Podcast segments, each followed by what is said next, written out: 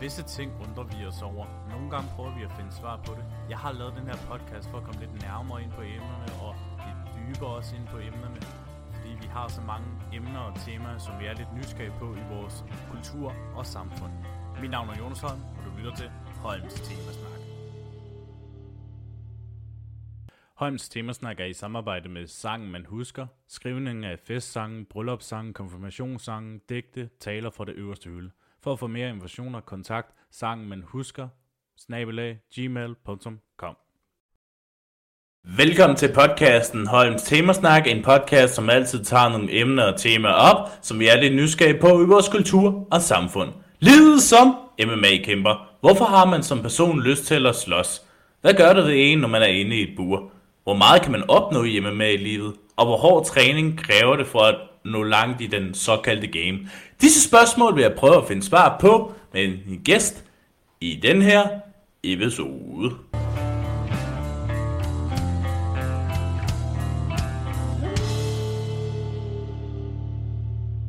Jeg har fået mig den ære at have en rigtig viking i programmet her. Den er også en del af hans kælenavn, eller fighternavn, som man kan sige. Han har været i game i cirka 10-11 år, sådan cirka is. En del har han skaffet sig gode titler på CV'et. I 2018 blev han Cage Warrior verdensmester i letvægt champ. Han har slået en øh, velkendt herre, som vi er i UFC nu, men vi kommer senere hen med den senere i programmet her. Ja, der er vel ikke andet at sige. Velkommen til dig, Søren, The True Viking, Bak. Vel- velkommen til, Søren. Jamen, øh, jeg skal bare sige tusind tak, fordi du har haft lyst til at deltage i min øh, podcast her. Det sætter jeg pris på, og du har faktisk taget hele vejen herned til Slagelse for at være med. Det har jeg nemlig. Så fedt. Jamen øh, Søren, jeg tænker, at de fleste kender dig, når de egentlig lytter til den her episode her, men for dem, der ikke gør det, vil du ikke sådan være sød og fortælle, hvem er Søren Bak, og hvad laver du til dagligt? Så mit navn det er Søren Bak. Jeg er oprindeligt fra Næstved, så jeg er også lidt kendt nede på de her egne, hvor du kommer fra. Jeg er 30 år gammel, gift med Louise. Hun er også 30 år. Og vi, øh, vi bor lige nu inde i Gentofte, kigger på hus i Næstved. Øhm, Udover det, så er jeg uddannet professionsbachelor i finans med speciale i pension. Så jeg sidder ude i, øh, i Lyngby i Danica Pension, øh, sådan på daglig basis, når jeg ikke træner. Og ja, min, min baggrund i, øh, for at komme i MMA, det var øh, som, som knægt, 6-årig knægt, der startede til brydning. Og så skete det helt naturligt, at min brudklub fik en MMA, MMA-klub, da jeg sådan blev 14-15 år gammel, og min brudtræner sagde, det skal du prøve, Søren. Det vil du synes var mega fedt. Og han havde ret. Det var mega fedt. Det ser også rigtig godt ud i dag, kan man sige, efterhånden med din karriere, jo Søren. Øh, Søren, når jeg egentlig ser det foran mig, så ser jeg jo egentlig en normal mand. Øh, men når du træner sporten her, og du er i buret, er du så den fighter, the true viking? Øhm, kan du egentlig sådan mærke forskellen, som du er Søren nu, end du er, når du træder i buret? Helt klart. Der er, der er en masse ting, der leder op til sådan en kamp. Dels er der et, et vægttab, vi kommer til at snakke om. Der er hele den her proces, hvor man bare må op og skal mentalt klargøre sig til at gå ind i et bur og, og slås med en anden mand. Øh, når man går ind og er i spotlightet og skal træde ind i det bur her, hvor man bare får skyklapper på og kun ser en modstander foran sig. Man er, man er en helt anden person, og øh, altså, man skal virkelig finde sådan et øh, indre øh, killerinstinkt frem. Det kunne jeg også godt forestille mig. Altså, jeg må også ærligt indrømme, jeg vil sgu ikke turde at være inde i et bur, i forhold til, at man, øh, du ved, nu er det nu, man skal slå på en person og det. Øh, men vil du ikke sådan helt tage mig tilbage? Hvorfor startede du MMA? Altså, hvad er der var for en speciel baggrund, du havde i øh, bagagen, inden du skiftede over til den her sportsgren? Jo, så som sagt som knægt, så, øh, så, så havde jeg to fætter, øh, og det, det ligger i øh, min mors side af familien at gå til brydning. Så de to, øh, de to knægte, Jonas og, og Morten, mine to fætter, de, øh, de var på ret højt niveau øh, med til VM, og, og jeg kan bare huske, at jeg skulle være ligesom dem. Så jeg startede brydning, øh, og over tiden, der øh, blev jeg ret god til brydning, men der var sådan en øvre grænse for, hvor god man kunne blive i næste på det tidspunkt, synes jeg. De rigtig gode, de skulle til, ned til Nykøbing Falster og slås med Marco. Øh, hvor jeg prioriterede, at øh, da min hovedtræner han stoppede, øh, der har været i første G, der overtog jeg øh, trænerrollen i næste hovedklub, øh, AK Rolf. Lige omkring da jeg fylder 14-15 år, der fordi vi havde lidt mangel på medlemmer, så fik vi en MMA-klub ind, der trænede direkte i forlængelse af, af brydklubben. Så vi trænede fra 17 til 18.30, fra 18.30 til 20, der trænede MMA-holdet. Og min øh, brydtræner dengang, han var med til at starte det, og sagde, sådan, det skal du bare prøve. Øh, egentlig så skulle man være 18 år for at stille op, men øh, fordi at jeg havde baggrund i brydning og sådan, så kunne jeg godt være med, og jeg kan huske, det fede var at øh, få lov til at kaste rundt med de her voksne mennesker, ikke? som, som er knægt. Altså, jeg tænker jo også, at brydning er jo sindssygt vigtig inde i MMA-verdenen, ikke? Altså, man kan nærmest ikke undgå det i forhold til, at hvor meget forskel det gør for kampene, når man også ser det på tv, eller man ser det live og det. Altså, så kan man jo sige, visse mennesker har jo også en fordel, ligesom Marco, altså, har en fordel. Han kommer ind til sporten som brydning baggrund, ikke? Altså, der må du også have den der, du er selvsikker i dig selv, er, at man, okay, jeg har det her baggrund, det kan jeg bruge. Ja, så det er jo lige præcis det, du siger, fordi som, øh, som bokser, så skal man være nervøs for at komme ind. Øh, man er måske bedre til at bokse end sin modstander, men hvad nu hvis han tager en ned? Som en jiu-jitsu specialist skal man være bange for, okay, kan jeg overhovedet få ham her ned på jorden? Kan jeg bokse med ham? Som bryder, så bestemmer jeg, hvor vi går hen af. Så længe jeg er den bedste bryder i buret, så, øh, så bestemmer jeg. Og man kan altid finde en, en, en edge på den måde. Jeg tænker egentlig, når du er inde i et bur, ikke? og du skal til at slå på et menneske, øh, altså, hvad går der op i dine tanker, at du står foran din modstander, og du siger, okay, jeg skal teste ham her? Og det, det forstår jeg godt, man tænker, men det, det er faktisk ikke det, der går igennem hovedet på en. Man har jo trænet hårdt over lang tid øh, op til sådan en kamp her, så det handler egentlig mere om at kunne tømme hovedet, øh, når man står der, og ikke altså, hverken være vred eller særlig glad. Man skal, jeg lever på instinkter deroppe. Det er fight or flight, og der er ikke nogen steder at flygte hen, så det er fight mode. Og det er det, vi har trænet til. Det er det, som kroppen husker, fordi man over de her to til tre måneders træningscamp har man fokuseret på, hvad er jeg god til, kontra hvad er han god til, hvor han øh, knap så god, og hvad er jeg knap så god til. Og ligesom matche de ting op mod hinanden i øh, træning hver dag, to gange om dagen. Så når vi først kommer i gang, når vi har rørt handskerne sammen, så er det bare business as usual. Det er, det er hårdt, men det er nemmere end den træning, jeg gennemgår hver dag. Netop fordi, at vi træner så hårdt. Inden vi sådan også lige begyndte at optage den uh, program, som vi skulle gøre i dag, jo, så havde vi jo egentlig snakket om, at du egentlig havde nogle amatørkampe, øh, ikke? Og det havde du. Du havde jo to, kunne jeg forstå. Det er rigtigt. Så det, det er lidt en sjov historie, men når man, øh, når man gik øh, professionelt for så lang tid siden, som jeg gjorde, som du siger, 10-11 år, øh, fordi det var også det, jeg var amatør.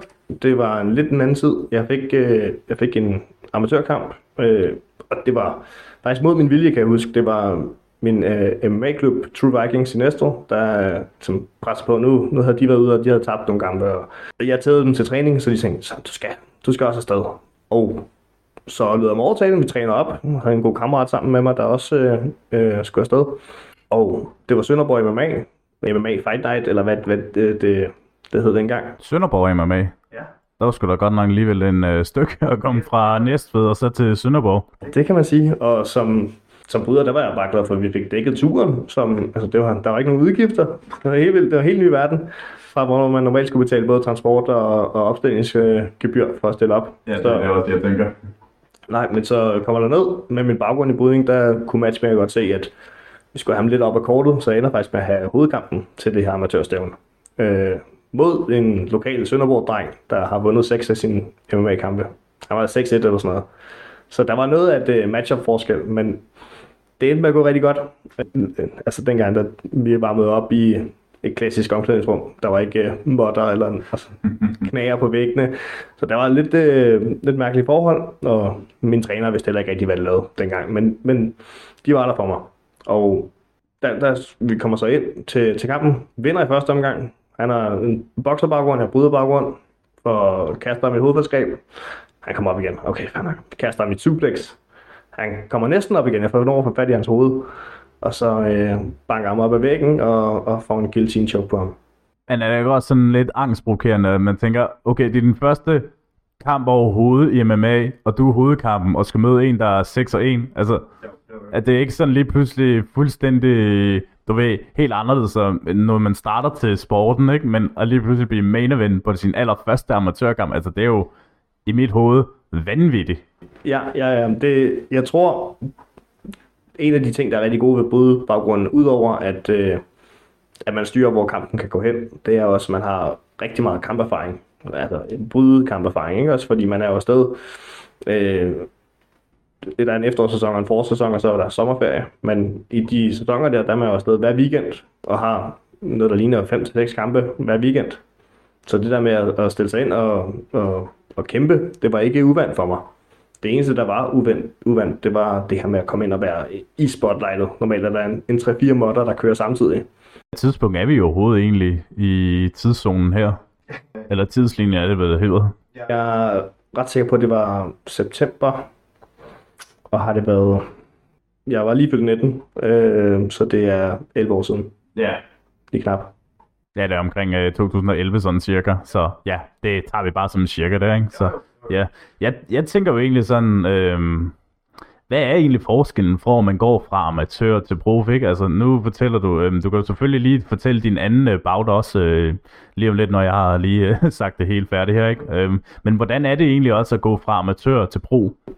Jamen, øh, i dag er det jo stort skridt, og det er ikke noget, man bare sådan lige gør. Altså, der øh, det, er en, det er en hel samtale med, i min klub med min træner, hvor man over lang tid øh, bygger op, at man er der kontinuerligt til træning, og man præsterer til, til sparring, og, og også at man præsterer hver gang, man er ude til amatørstævner. Så det er ikke bare sådan lige i dag, men dengang, og som, som jeg også nævnte, vores, vores træner, de vidste jo ikke rigtig så meget om det. De havde haft et par, et par folk afsted, men, men ikke noget, der lignede, hvad, hvad mit skulle ende med at blive til. Øh, så jeg vinder den første kamp der i Sønderborg, og øh, en matchmaker fra det, der hedder øh, Cage Fight Live, ret sikker på, det hed, i, i Herning, han øh, havde lige haft en, en gut, der droppede ud i min vægtklasse. Øh, men det, var, også en lightweight, eller? det var dengang som amatør kæmpede øh, væltervægt. Weltervægt. 77 kilo. 77 kilo, okay. Og det hænger sammen med indvejninger på dagen, øh, og ikke dagen før. Og det er også generelt sådan for amatørkæmper, at de var samme dag, som de kæmper. Så 77 kilo var, at, at det jeg normalt går rundt på. Øh, så det var for ikke at have det aspekt med som, som amatørkæmper. Han havde, han matchmakeren, han havde set min kamp. Han skrev til mig, tillykke med, med sejren, det så mega fedt ud. Jeg har en modstander om 14 dage, og han, han minder meget om ham, du kæmpede mod. Er det noget for dig? Det er godt nok en semiprofessionel kamp. Jeg vidste ikke, hvad det betød i øvrigt. Semi-professionel. Ja. Det er sådan lidt om, om det er sådan midt imellem, om man skal, du ved, er det, er, det, er det der, man skal gå vejen eller ej, ikke? Altså, det er jo sådan lidt, øh, når man hører udtrykket for det. Øh, Og man, man, man bruger det ikke rigtig i dag, mig bekendt. Der er nogle, øh, jeg tror i England kører man stadig med det. Men, men forskellen er, når man kommer ind som amatørkæmper, har man lidt større handsker på, man har benskinner på, og nu kan jeg ikke engang huske, dengang der var det to runder, tre runder af tre minutter. Altså. Der, der er noget med både tiden og hvor mange runder der er. Øhm, semiprofessionel, så er det uden skinner, det er pro-handsker. Man må ikke give albuer, det må man i rigtig professionel, og knæ til hovedet må man heller ikke give. Mm. Øh, men, men ellers så er det faktisk en professionel kamp, og den tæller som sådan. Så det er faktisk ikke engang, altså det jeg havde 14 dage efter min første amatørkamp, det var ikke øh, min nummer to amatørkamp.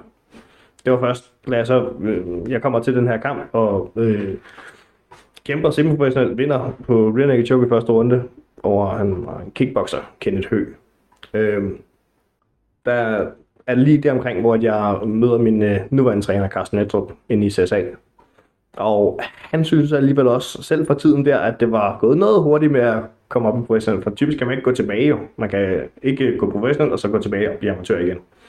Men her der fandt vi så en, øh, en gut, der havde været professionel lidt for hurtigt også, og gerne ville have en amatørkamp mere. Jason Forsell, som øh, altså på det tidspunkt, der var han virkelig rutineret thai-bokser, med sådan, noget, der ligner 100 professionelle thai kampe i, i bagagen. Øh, og vi, vi kæmpede i Brøndbyhallen til, som en slags opvarmning. Det var et af de første shows, der skulle vises på TV2 Sport. Øh, Og var det det der Royal Arena? Kan det være? Nå, var du der på? jeg var der på, Gud. men det var for lukkede døre. Nå, for pokker. Så og mig og Jason, vi havde vores egne venner og familier inde, inde at se den, inden, øh, inden stævnet åbnede. Okay. Og det var for, at øh, TV2 de lige kunne tjekke, øh, at alt... Øh, Jamen, var, det var, var det det så for første show Royal Arena så? Eller? Ja. Okay, hold da op. Nå. Det var som sagt netop fordi, at, at øh, tv-folkene de skulle lige være sikre på, at de havde vinklerne og, og så videre, til, når de professionelle kom på. Det var, det var da godt nok meget interessant. Jeg har aldrig hørt, at du kæmpede på det show overhovedet. Jamen, der ligger, min, min træner har en, øh, en video, der ligger op på, på YouTube af den, hvor at, øh, han godt nok næsten taber telefonen, da, da jeg er lige ved at vinde på Real Naked Joke. Øh, men, men den ligger der. Mm. Da jeg havde måske jeg havde 25 kammerater inde og se det, og Jason havde også en håndfuld, og de var så i hver deres ende af lokalet.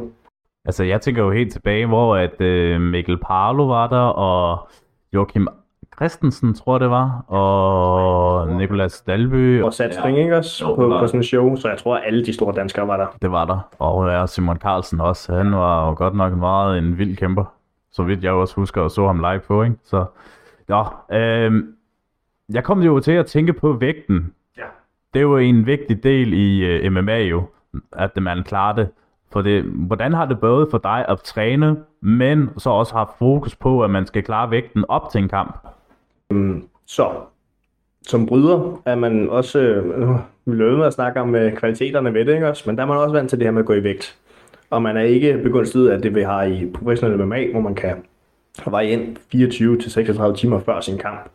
Så man kan virkelig få smidt noget vægt. Men i brydning, der lærer vi, går i sauna aftenen før, sauna om morgenen, inden vi skal på vægten, og så hydrerer man bagefter. Så man har altid været vant til det. Man har aldrig smidt, øh, jeg har i hvert fald aldrig smidt samme kalibervægt i brydning som, som i MMA, men man har smidt en håndfuld kilo i løbet af en aften og en morgen også. Så det har ikke været uvandt for mig. Og når man først har det mindset, at, at det kan man sagtens, så er vægt bare et tal, man kan manipulere med, øh, hvis man er hård nok.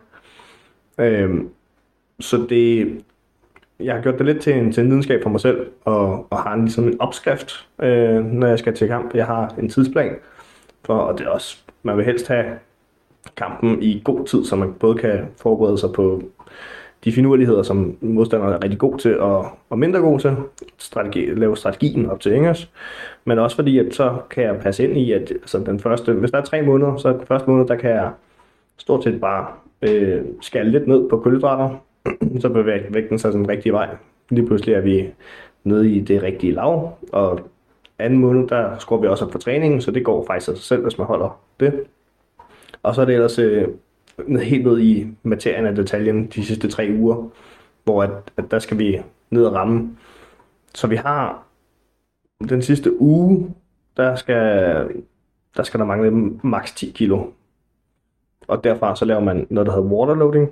Man drikker mm, altså, rigtig meget vand. Øh, det, det hjælper både med, at man ikke er sulten og ikke behøver at spise så meget, men også fordi man vender kroppen til at komme af med en masse vand, øh, så man sveder mere, man skal tisse mere. Når man så laver det over et par dage, man drikker måske 8 liter vand om dagen, 10 liter vand om dagen, øh, og når man så dagen før, at man skal indvejs, stopper med at drikke vand, så går der lidt tid, før kroppen omstiller sig.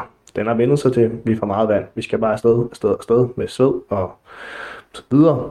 Øh, så, så man, gør, man smider faktisk kroppen der til sidst, og det, det giver et par kilo. Øh, og så er det enten sauna, dampbad eller karbad, øh, der ligesom tager de sidste 4-6 kilo. Ja, fordi jeg tænker jo sådan lidt, altså når jeg har set en masse af klip øh, op til UFC for eksempel, eller Bellator og det, så er det jo også, jeg tænker lidt, det ser godt nok voldsomt ud i forhold til, at man går ind i en sauna, og så går ud igen ned til et øh, bad, iskold eller varm, hvad det nu er. Altså, og så typisk ikke ja, og så går ind igen, ikke? Altså, jeg tænkte, det, det, det, det er godt nok livsfarligt, ikke? Og de siger jo også, at man helst ikke skal prøve det derhjemme, fordi det er jo virkelig, man skal virkelig have nogle professionelle folk til at kunne øh, få sammensætte det til, at man ligesom, du ved, spiser det rigtigt op til kampdagen, og man får drukket det rigtigt op til kampdagen, ikke? Altså, og også, som du selv siger også, ikke? Altså, hvordan man øh, får øh, sin øh, krop til også ligesom være med på det. Men jeg tænker også sådan lidt, hvordan har, tager hovedet det op det, altså sådan psykisk, fordi nogle kæmper, når de har klaret vægten, så har de det jo ikke sådan måske særlig godt op til kampene, fordi de måske er blevet påvirket i øh, deres hoved efter den vægtkop, og så bare ikke får kæmpet det, som de skal gøre. Er det noget, du sådan lidt har lagt øh, mærke inde i kroppen eller hovedet i din øh, professionelle karriere?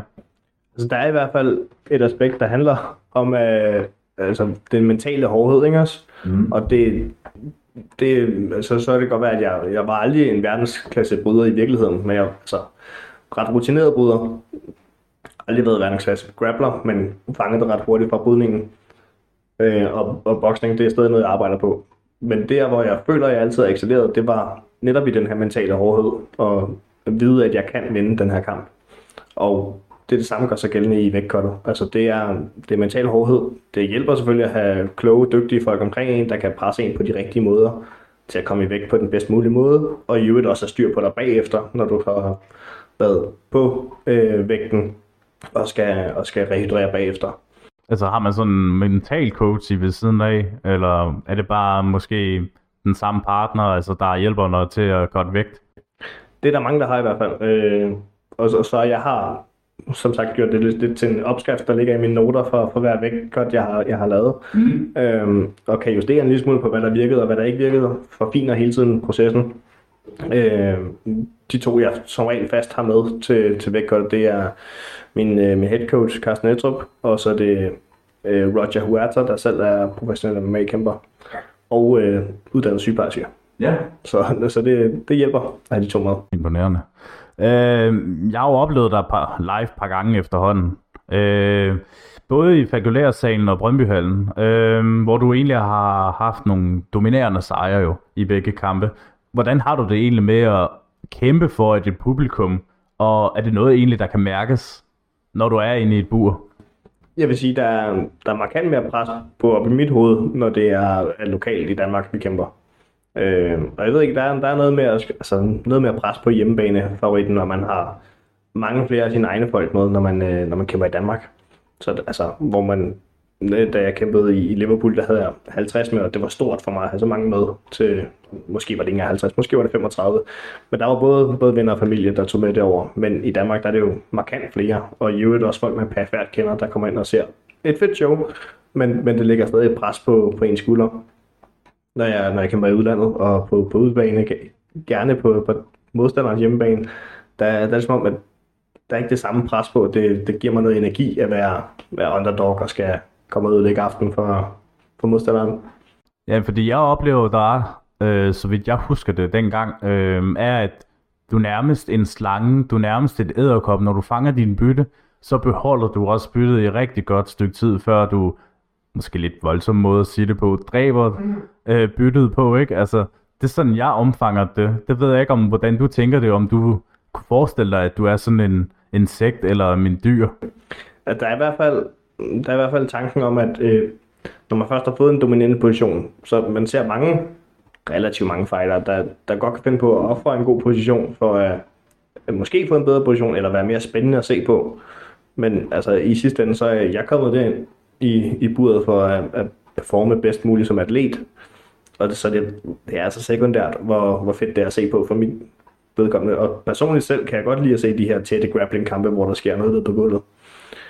Jeg ser det i hvert fald, når man typisk så, så får jeg taget ryggen på folk. Og det, det er der, når man først er fanget der, det er virkelig svært at komme væk. Det, det er nærmest umuligt siger jeg, men det, det sker jo fra tid til anden, også for mine modstandere, at de slipper fri, når man først har fået fat. Men, men kan du egentlig sådan mærke på dine modstandere, at de bliver sådan frustreret, at du hele tiden tager dem ned og tænker, ah, hvor er han irriterende, ikke? Men det må også bare være en fed følelse at være irriterende. Altså, Ja, det synes jeg. Det synes jeg. Der, altså, jeg har både mærket det med, med takedowns, øh, blandt andet i, i Bellator med, med Terry Brazier, som jo ikke, han havde ikke takedown defense i sig, øh, så jeg kunne lægge ham ned hver gang. Altså, og han blev meget frustreret, kan man sige. Sådan med dominerende positioner, der mærker man det også. Nogle gange, da jeg havde min anden kamp i, i Bellator mod Bobby Lee over i USA. Jeg, jeg kan huske, at jeg, jeg får taget ryggen på ham i tredje omgang. Jeg har taget ryggen på ryggen på ham i hver omgang. Derfor låste øh, øh, min ben omkring hans, øh, hans krop, der sidder på ryggen i tredje omgang. Der siger han bare, God damn it. Og det var som om, han vidste godt, at han ikke kom fri igen. Men han skal med ikke give op. Han var hård nyser. Men, men øh, der kunne man mærke mentalt, der havde jeg kampen derfra.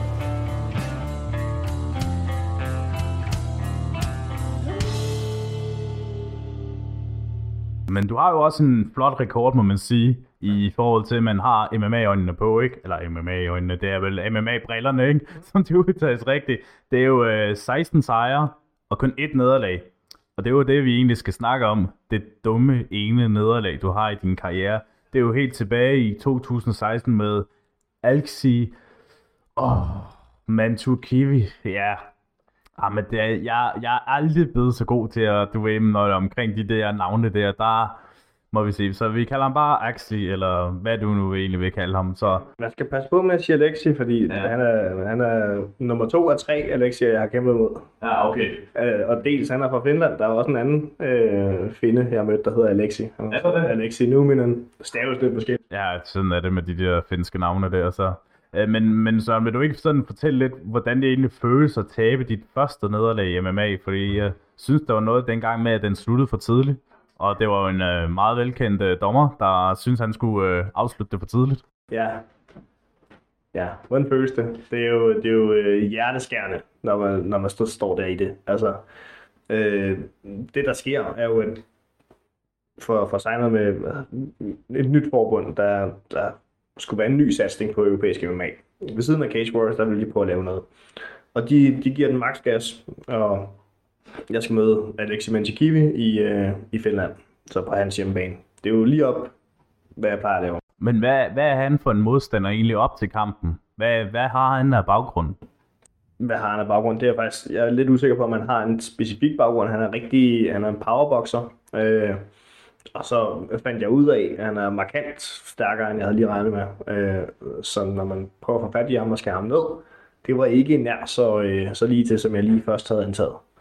Så vi har snakket lidt om, at øh, min boksning ikke er det perfekte endnu, og, og det er noget, jeg stadig arbejder meget på. Øh, og det, det fangede han mig simpelthen i. Så han, der, der er kun én omgang til, til den kamp, og det, det går med, at jeg får lavet nogle gode leg kicks på ham, og øh, det var faktisk en del af strategien, så jeg tænkte, okay, det kører bare. Så fanger han mig med et øh, sneaky uppercut, jeg ikke ser, og slår mig i gulvet, får recoveret rimelig hurtigt, og får fat i ham, kommer, kæmper mig op igen, og så går der ikke mere end 10 sekunder eller sådan noget, så rammer han mig med det præcis samme uppercut. Fool me once, shit, og fool me twice, men han fik mig, han fik mig, han slog mig i gulvet igen, øh, med relativt kort mellemrum. Jeg er op og har fat i hans ben med det samme, som, øh, altså for at få venten til en takedown fra min side. Men jeg kan jo ikke, jeg kan jo ikke benægte det, som, som dommeren, Mark, Mark Goddard, han, øh, han siger til mig, at han vil ikke se mig gå ned en tredje gang. Øh, så netop fordi, at jeg bliver slået ned i gulvet, er op igen med det samme, men med så kort mellemrum, det er der, hvor det begynder at blive farligt som fighter også. Måske har man fået en hjernerystelse. Hvis man akkumulerer på det, så risikerer man permanente hovedskader. Og det, i sidste ende, så er det derfor, at kamplederen står der. Øh, så med tiden, der er ligesom modnet lidt med den opgave at, at forstå, hvad skete der, hvad gik der galt. Det er jo ikke dommeren, der slutter kampen for tidligt. Han prøver at passe på mig.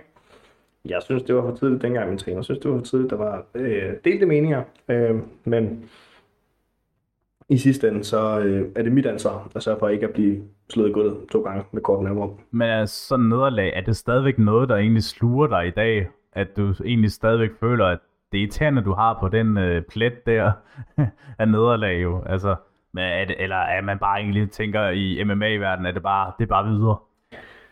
Altså, dengang var det en, en stor ting for mig. Det var også mit, altså, første nederlag på en, en, en lang række ubesejrede første runde sejre, ikke? Så mm.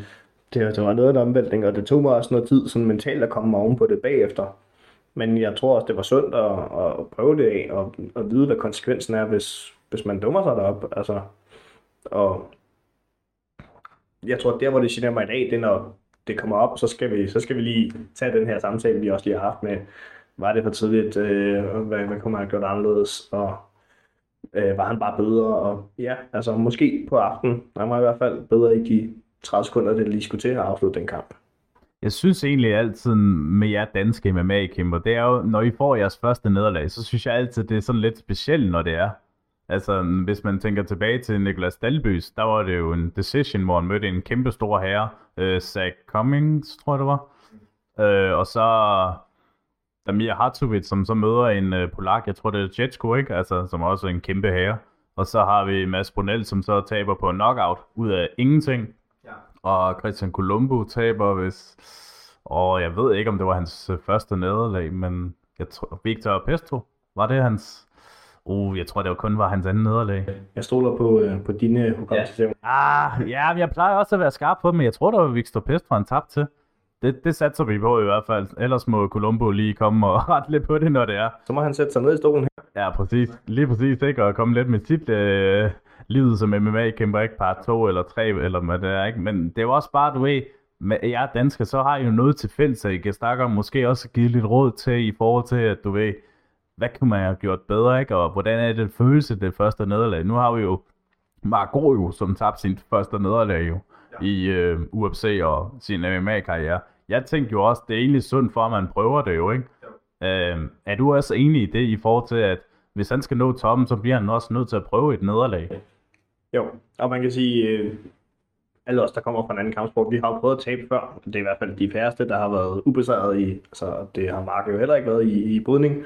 Så man har jo, han har endda prøvet i TOL på, altså med stort pres på og, og få sådan nederlag der, ikke også?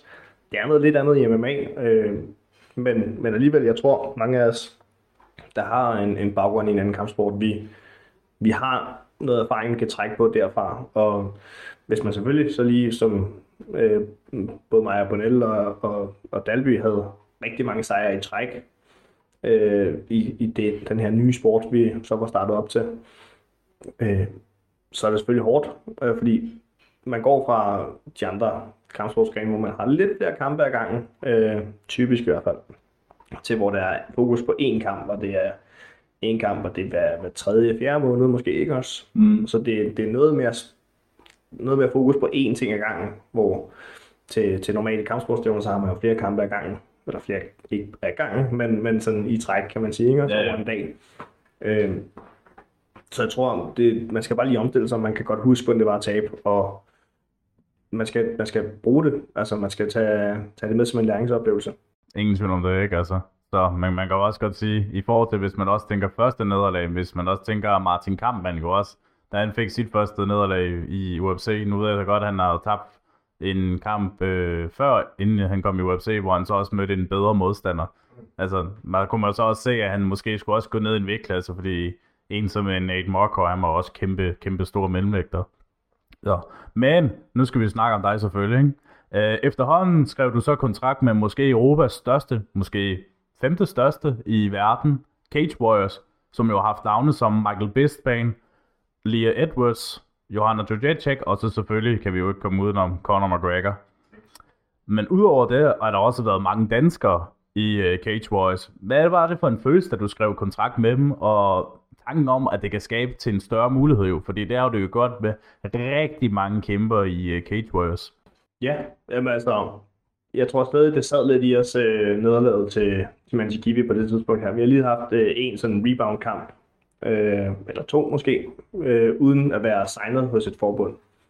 Så hvis vi havde været free agent og tog sådan enkelte kampe rundt omkring. Så vi skulle bare ind, og vi skulle bare præstere. Der skulle ikke ingen chancer, ingen chancer her. Vi skal ikke ind og køre let kicks, vi skal ind og køre vores e-game. Mm. For en, en hård veteran, en gut, der altså, slår sin sin modstander ud, og slår dem også ud ned på gulvet, og er, han er en ældre herre, men, øh, men øh, Scott Klist, som min første modstander i Cage Warriors er, han er benhård og, og stort brød i virkeligheden, ikke også? Ja. Så sådan en power puncher, vi skulle ikke ind og bokse igen. Så det var ind, ned og få fat i benene, afsted ned på gulvet, om på ryggen, og så albuer. Det, det, var, det var det. Tre runder af det blod ud over det hele. Men øh, vi fik lavet vores statement.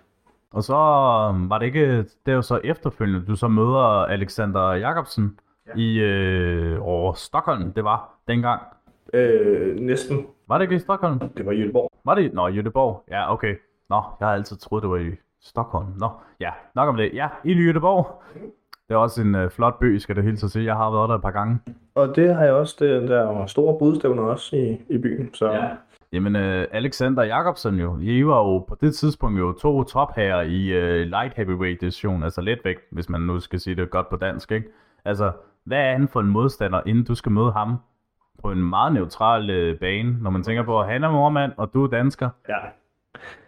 Jamen, Alexander, han er, han er en benhård fyr, men han er lidt en one-trick pony. Han er endnu en power puncher, ikke? Altså, han slår folk ud, og havde en, en, en baggrund med en masse boksekampe. Så sindssygt dygtig bokser, vi føler alligevel, og nu har vi, vi havde også en kamp imellem øh, mellem øh, den første og, og Alexander, Martin Stapleton, der også kunne bokse, men også kunne grapple. Øh, så på det tidspunkt, der har vi ligesom haft to sejre i træk. Overbevisende første, øh, første var en dominerende decision, nummer to var en, øh, en tidlig øh, submission. Så vi har lidt mere selvtillid her, og vi tør faktisk godt stå og bokse lidt med, med ham, bokseren her. Det vi ellers havde, havde lært, at vi ikke skulle. Her fungerer det. Vi finder nogle, øh, nogle huller, og jeg ender med at ramme ham med knæ i hovedet, som altså, åbner hans næse, og der er blod over det hele igen. Og vi elsker det. Øh, Det gør vi. og det er jo først derefter, jeg rigtig får ham ned. Øh, men jeg får ham ned øh, og kommer ud på siden af ham og får fanget ham i en, øh, en side choke. Arm triangle. Det må også være sådan meget forløsning at tænke på, når man tænker på, at man har slået nok en af de der top guy i den division, og i, Bel- og i Cage Warriors også. Altså, men så efter kampen, så kalder du en vis herre ud, en der hedder Paddy Labaddy Piplet som er jo kæmpe, kæmpe, kæmpe stor i dag i øh, UFC jo. Altså, velkendt herre, nok måske på højde på Conor McGregor, altså i popularitet. Hvad i alverden fik dig til at tænke på, at du vil kalde det største navn i Cage Warriors, måske England, nok i Liverpool, ud til en kamp? Ja, jeg tror faktisk ikke, at, øh, at jeg kan øh, tage hele skylden eller hele æren for det. Jeg tror, at han start, selv har startet øh, øh, inden da øh, at kalde lidt efter mig. Og så var det meningen, at, øh, at vi skulle sætte en kamp op, men der, var- der var ikke, øh, han ville ikke kæmpe på udebane, så det vi måtte vente til, til han havde tid over i, på sin høje trone i Liverpool. Ikke også? Mm. Øh, så, og, og Cage Warriors ville gerne have, at jeg skulle øh, lige bevise mig selv igen. Ikke også? Det er jo også deres øh, lokale stjerne, der sælger billetterne. Og der kan man jo også sige, det gør du også efter Jakobsen-kampen, at du viste lidt om statement jo ikke, at du måske var klar til det næste niveau. Præcis. Så Så, så vi kalder ham ud jo, og øh, som, som han, han, han havde kaldt mig ud tidligere, nu prøver- begynder jeg at huske det lidt, ikke? også, at han ville komme til min øh, baggård. Men øh, han, han ville gerne have været der i, i Sverige, som jo næsten er Danmarks baggård, ikke også? Nå, ja. I'll come to your backyard.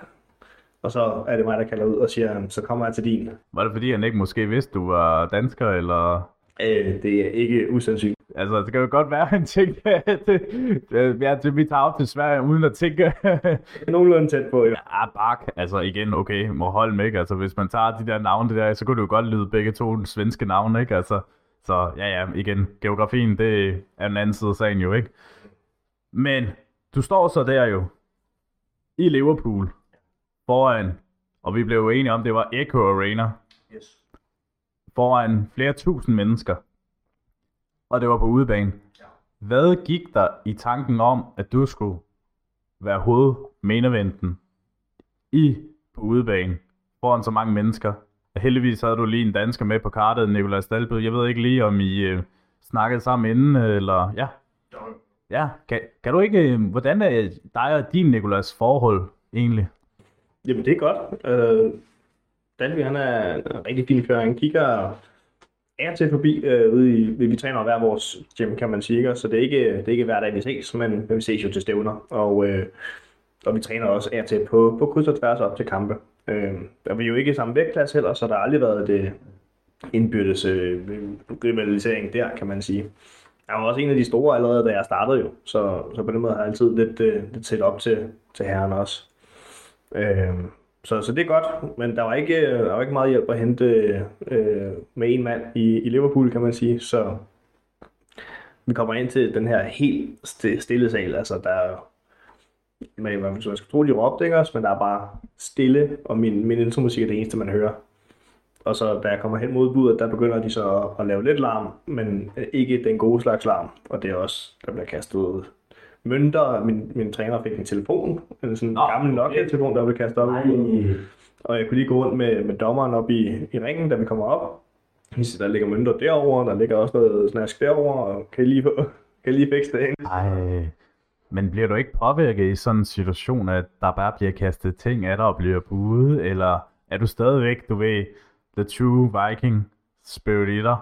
Det, der er slet ikke overskud til at bekymre sig om sådan nogle små ting. Altså, der var lige overskud til, at jeg kunne pege ud for, for dommeren, der havde overset nogle ting, der var blevet kastet ind, fordi det skal vi ikke have herinde. Og det er jo så også der, han kommer ind til sin øh, ikoniske øh, introsang, hvor der virkelig er knald på, og, Det skal man love for. og der går publikum amok jo. Og så derfra så kender jeg det, fordi der skal vi ikke risikere at kaste noget. De kunne ramme ham jo. Så, så er vi i sikkerhed, og øh, så er det bare mig og ham i det bur der. Men er du overhovedet sådan tryg i situationen, at du er på udebane lige nu, og du, du står jo foran en titelkamp, en verdensmesterskabstitel, ikke? Altså, du er hårdt arbejdende og nået så langt, ikke? Og så tænker du, der er en mand, der står i vejen. Nok også lige flere tusind andre, ikke? Men kun én mand. Tænkte du, nu skal jeg fandme bevise. Det gjorde jeg. Og øh, når vi kommer lidt senere ind i kampen, og, og jeg kommer i tidlige problemer, så er det de ting, der går gennem hovedet på mig til at starte med, det er, det skal fandme være løgn. Han skal ikke have den her på mig. Jeg kommer hele vejen herover til, jeg har ikke taget venner og bekendte, og min mor og min søster og øh, øh, min kone, de skal ikke sidde dernede og se mig tabe i første runde til den her tosse med godhår. Så fandt et nyt gear og, og gravede os ud fra, fra det hul, vi lander i tidligt. Du jo blev fanget i første runde jo til en guillotine, eller var det rear naked? Det var rear naked. rear naked choke, ikke? Og du lignede en, der var fuldstændig blå, eller det gjorde du, blå i hovedet, og lignede en, der var ved at besvime, men på Rakel løs kom du ud af den, og så overtog kampen fuldstændig. Altså, du overtog en mand, som er kæmpe hyped, fuldstændig i MMA og øh, i byen også. Jeg må jo spørge, hvordan kom du ud af den? Altså, det er jo det, altså, øh, han, han laver en rigtig sneaky takedown på mig, hvor, Ja, han, hvor han tager ryggen og, og sætter, det havde vi egentlig øvet, vi havde set ham gøre det før, så, så den var vi egentlig klar på at kunne stå der, men han sætter af på buret i en vinkel, der gør, at jeg snubler, og så er han på ryggen af mig. Og han er jo sortbælte brasiliansk jiu dreng så der går ikke lang tid, før han har den, øh, den arm omkring min hals. Der, han, han ligger også på den rigtige side. Der, der er mange ting, man skal være opmærksom på. Så han ligger til den rigtige side. Han har lukket sin choke af, og han har fuld kontrol over min krop. Hvad det gør man? Det er her, det går gennem hovedet på mig. Jeg har ikke taget min mor med herover for at se mig få banket sådan tosse med, med grydehår. Niks. Så vi, vi rykker. Jeg rykker fra den forkerte side til den rigtige side. Lille step den rigtige retning. Der lægger vi mere pres på hans arme og, og mindre på min hals. Og derfra begynder jeg bare stille og roligt med mine fingre og, og grave ind, så jeg får, får rum til at, at trække vejret igen. Undervejs, der er det jo vores gamle ven, Mark Goddard, der, der dømmer. uh, får du lidt flashback, måske lidt? Jamen, vi, var, i hvert fald- at vi havde sagt til ham inden, at hvis vi ryger i, i submission og sådan noget, så skal du huske, det er en titelkamp, og vi skal nok sige til, hvis den er, hvis den er der. Øh, og jeg ved ikke, hvor meget han lige lyttede til det, men i hvert fald så stopper han jo ikke kampen her, fordi efter jeg ryger om på den rigtige side, så kravler øh, justerer Paddy. Han har magten om på ryggen. Han justerer, så jeg har, jeg har hovedet ned i jorden. Jeg har stadig mine fingre fat til at, at kunne, kunne forsvare min hals og, og, og de sidste, sidste ilt, der, der er i kroppen. Men så er det så her, at Mark, han, øh, Mark godt, at han, han kan ikke se mit ansigt længere. Og øh, så er jeg nødt til at indikere, at jeg er okay. Så jeg bliver bedt om at give thumbs up. Ja, Men altså, det er jo også de hænder, jeg bruger til at, præcis. til at forsvare mig. Men lige pludselig, så skulle jeg også vise den anden tommel op, for at være sikker på, at jeg ikke var besvimet. Er det en regel, man skal have det egentlig, at man øh, skal have en thumbs up på det? Nej, reglen er, at du skal gøre, som kampsleder siger. Ja, okay. Ellers stopper han kampen. Mm. Så øh, jeg må jo at både tage min tommel op ind og få fat og en ny øh, hånd ud til siden og give tommel op. Shit. Men hvordan, i dine tanker, når du er ude af den choke, hvad er så din gameplan ind til kampen, øh, efterfølgende i de følgende runder? Altså, Altså, og, og jeg kommer ud af joken lidt inden runden går. Jeg kommer ikke fri fra, fra, fra backtaket. Altså, han har ryggen, da, da kampen slutter. Eller ved den første runde slutter. ja. Så der er ikke så meget der. Altså, vi kommer, kommer ud til mit hjørne. Jeg kan huske, at de kigger på Carsten og siger, fuck, det var noget lort. Så ja, det var det. Men nu har du fire runder til at bevise, at det ikke var sådan, det skulle være. Okay. Tilbage på hesten. Tilbage til vores gameplan. Og, og derfra så holder vi bare presset på ham og får ham ned. Gode positioner. Han er jo som sagt sneaky og god, god til jiu-jitsu, så han var ikke lige til at få en submission på, men jeg fik gode positioner på ham. Han havde, han havde drænet sig selv lidt ved at, at satse det hele på første runde, ikke også? Men kunne du sådan mærke på, om han var helt gasset ud og blevet træt, efter han øh, havde brugt sindssygt meget energi i første runde. Han var gasset, og han var også psykisk knækket. Han, havde, han troede, den var der. Han var, han var nærmest gået i, i, øh, i sejrsmode, ikke også? Og, og celebration mode. Jamen er det ikke også det nogle gange, hvis man er helt op i gear og overhypet, det er, at lige pludselig så, så kan det bare ikke rigtig fungere lige pludselig for dig, og du skuffer en del mennesker, som måtte øh, gå hjem skuffende, altså, fordi de har jo regnet med, ens øh, hometown hero kom hjem med et øh, verdensmesterskab bælte, ikke? Jeg må sige sådan, i forhold til, hvor meget øh, Liverpool crowd larmede første runde, der var det noget mere nedtonet end resten af de fire runder, der var tilbage. Fordi han, han, det er netop det der, hvis man kommer op og helt op og ringe der i det der adrenalin-spike, man får, hvis man har vundet kampen. Det skal du ikke. Du skal have det der kontinuerlige brand fra, fra adrenalin undervejs for at, at kunne være med på det niveau. Og jeg tror, det der med, at altså, han var der jo. Han, han mærkede, hvor mange kræfter han brugte. Det må også være temmelig irriterende, der bare sådan en tosse fra Danmark, der kommer, og så hammer ham en fuld regular joke, og han har ikke, øh, han kan ikke engang tage sig sammen til at klappe. Hvor, hvor hård må han være? Altså det er jo sådan noget, der må gå igennem hans hoved på det tidspunkt. Så jeg, okay, jeg har kastet det her efter ham. 9 ud af 10 andre ville have været kollapset eller klappet på det tidspunkt. Hvad skal vi gøre? Det slutter jo med, at du vinder på unanimous decision, og du bliver kaldt Cage Warriors World Champion. Og så er der jo den der spørgsmål der, hvordan føles det at blive verdensmester i MMA? Jamen, altså, det er helt vildt. Noget, noget af det, som øh, vi starter ud med hos min træner, det er, at vi skriver ned, hvad er målet. Så ved han, hvor meget energi han skal ligge i, øh, i en, og, og hvordan vi kommer derhen. Der skal vi også have en step-by-step plan. Og, og målet til at komme, og mit mål har været altid at være sådan noget til top 3 i en af de tre største organisationer i verden. Øhm, steppet dertil, den naturlige step, det vil være at få den her Cage Wars titel. Ja. Så det er den første store milepæl, vi når. Altså, så altså det, der skal man også bare huske at, at fejre og, og nyde, at vi når dertil. Det må jo også have været fejret på den bedste måde. Vis os. Altså, nu ved jeg ikke lige, hvordan du øh, fejrer det, når du har fået triumfen. Skal have nogle øl? Ja, ikke? Jo. Hvis ikke vi kan få noget mjød. Ah, du fik ikke måske en Guinness derovre, eller? Øh, nej, det, det, det fedeste var faktisk, at øh, det var ikke sådan en stor ting at gå i byen så sent i, i England. Gør det ikke det? Nå. No. I hvert fald ikke lige i Liverpool. Øh, vi var rundt, og vi var jo også 25 øh, danskere med Søren Bak t-shirt, ikke? Så ja, ja. det var ikke, det var ikke hvor som helst, vi kunne gå hen. Øh, og, og jeg tror også, at de fleste dørmænd synes, okay, de der tosser. de danske tosser, hvad fanden skal de? ja. Uh, altså, vi ender faktisk med at tage rundt i Liverpool et, øh, ja. en, en, jeg tror en times tid eller sådan noget, hvor vi ender med at gå tilbage til mit hotel og, øh, og købe en øl der. øh, og ja, så det var ikke, det var ikke en stor øh, forløsende bytur bagefter, men det var også fint efter sådan en vægtkot og sådan øh, en rimelig vild og lang kamp. Der er ikke de store energi depoter tilbage.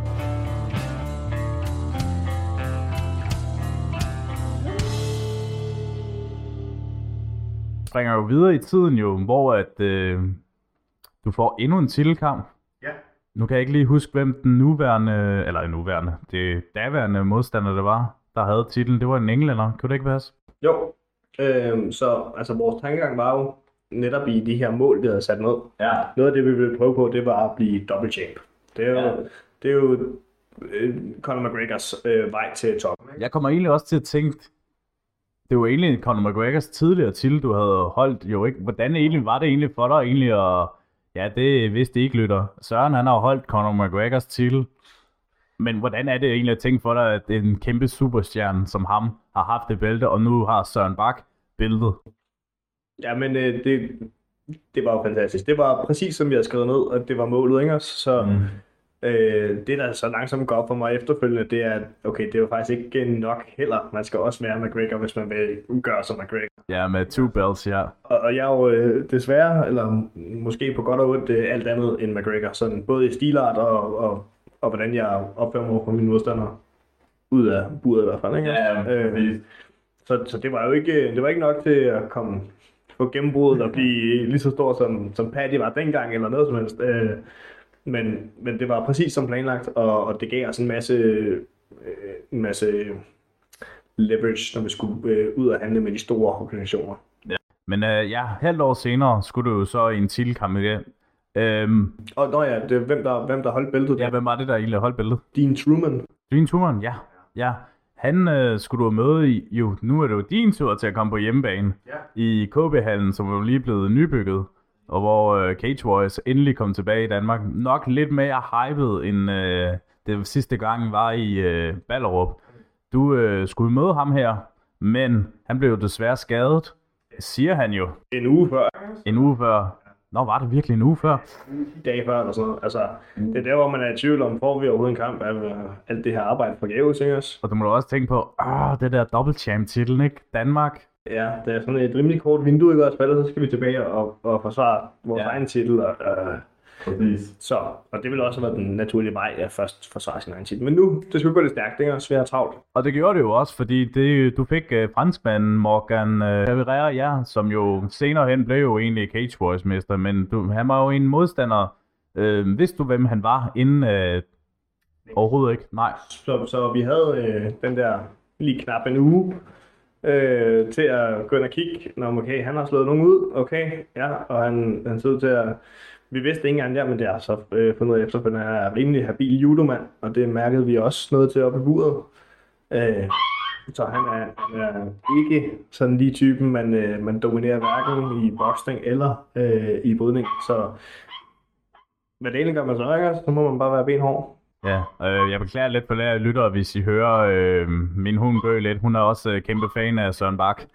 Så, men hvordan tænker man egentlig, når man er i gang med at lave et gameplan for en modstander, men det lige pludselig bliver lavet om på så kort varsel? Er det noget, der sådan irriterer dig og dit team vanvittigt meget? Ja, ja. det, er- og der er jo ikke, det er jo ikke alle øh, der gør, ligesom vi gør, og virkelig altså, nært ser alt, hvad der er at se om sin modstander, og så laver en decideret gameplan ABC dernede af, efter hvordan vi bedst matcher op mod den her modstander. Det er ikke alle, der gør det sådan. Det har altid virket for mig, så det er sådan også lidt ritualet i at, at lave gameplanen og træne op til øh, gameplanen, som den er.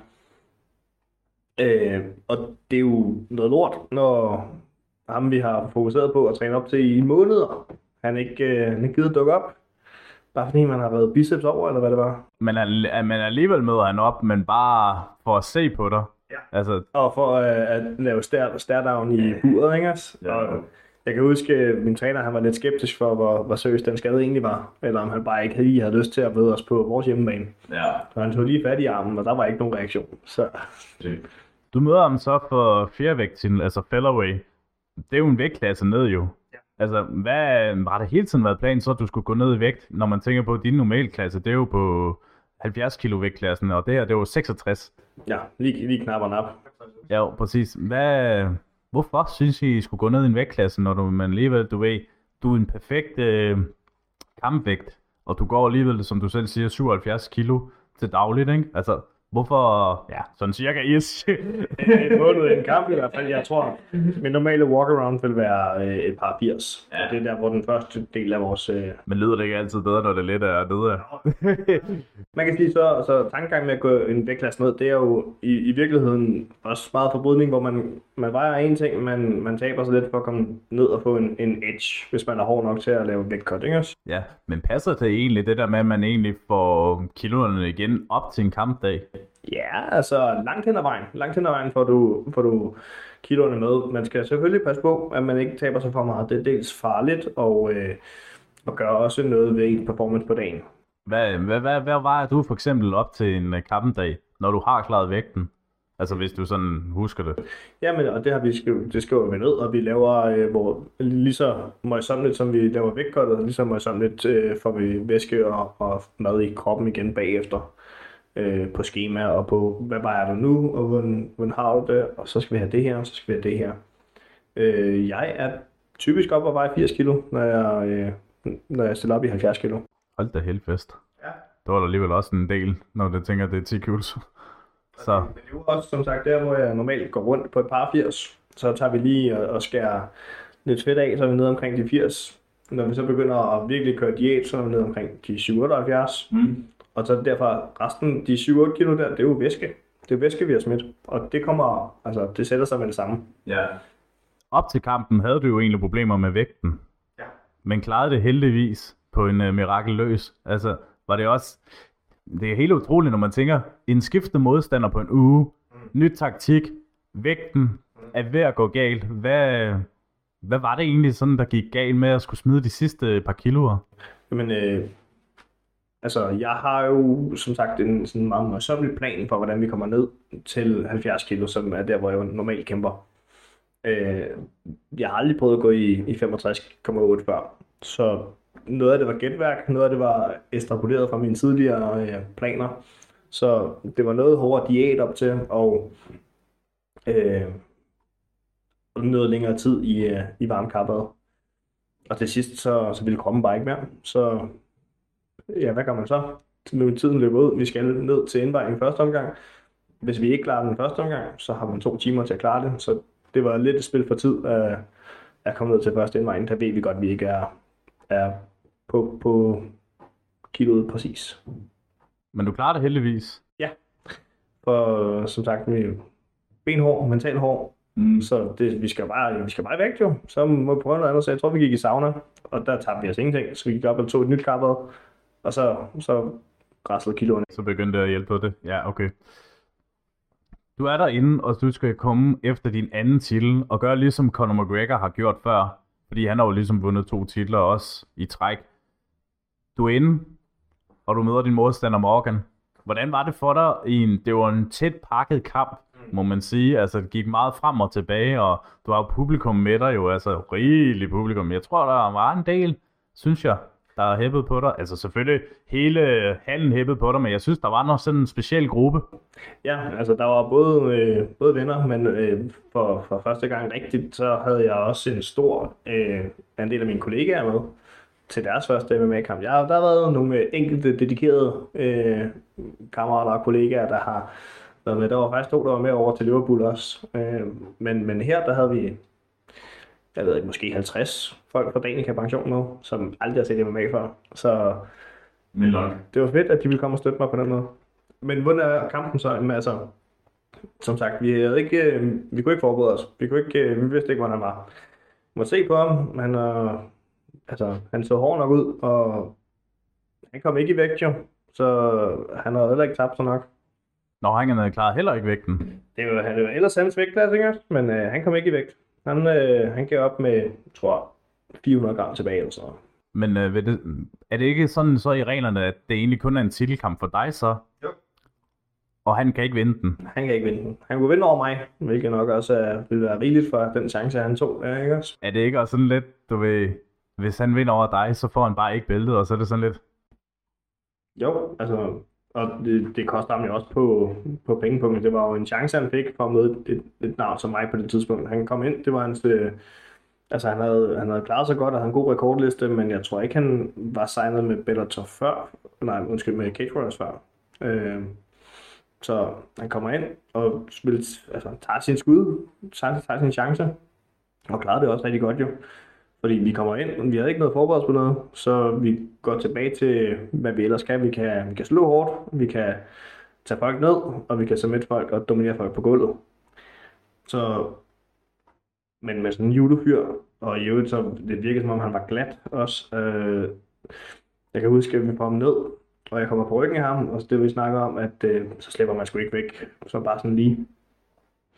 Men han, han drejer sig om, han sidder i body triangle, hvor man har låst benene omkring livet af ham. Og alligevel så kan han dreje sig om og komme ovenpå mig. Derfor, det kan man normalt ikke. Men, men det gør han altså. Og øh, det viser sig bare at blive benhårdt, brydning frem og tilbage. Og han er bedre til at bokse end mig. Det, der er ikke noget der. Så vores eneste edge er, at vi kan tage ham ned en gang imellem, og han er benhård at tage ned. Så det var, det var op og bakke fra start af.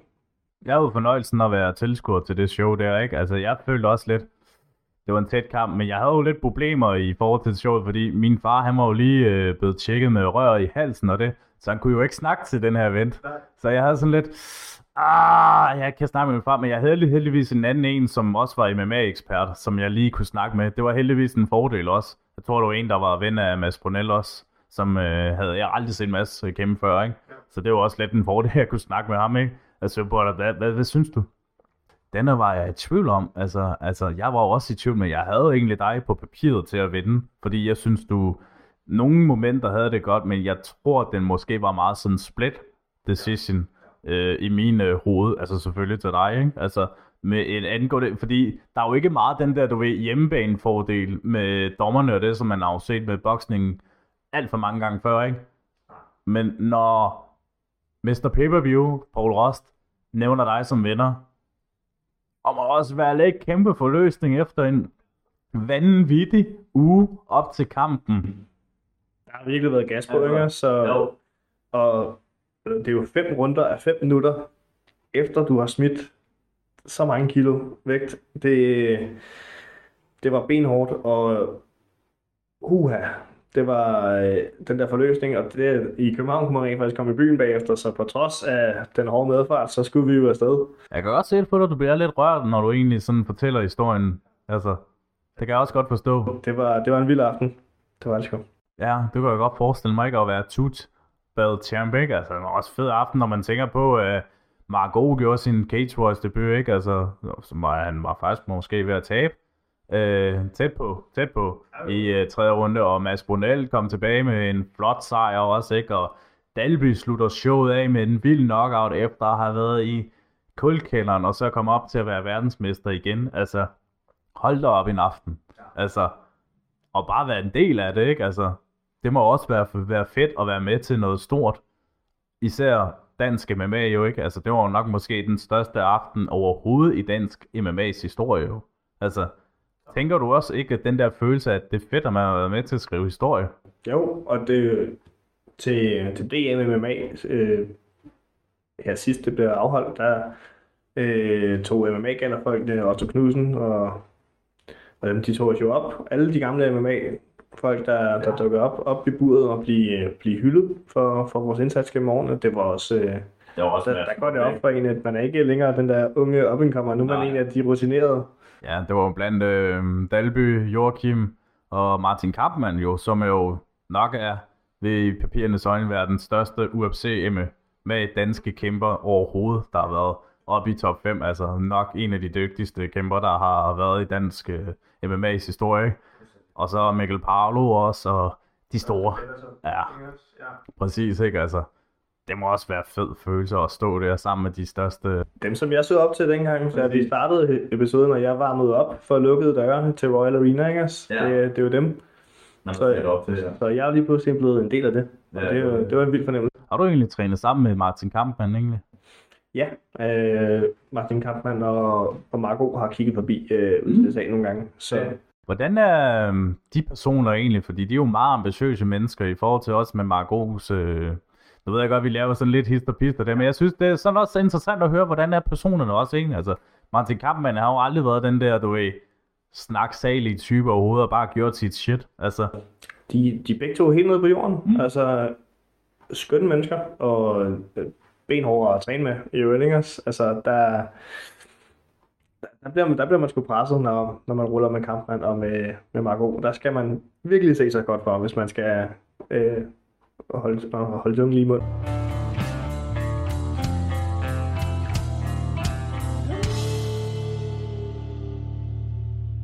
der sker jo så, at øh, du øh, vælger at få featherweight title til at opgive egentlig.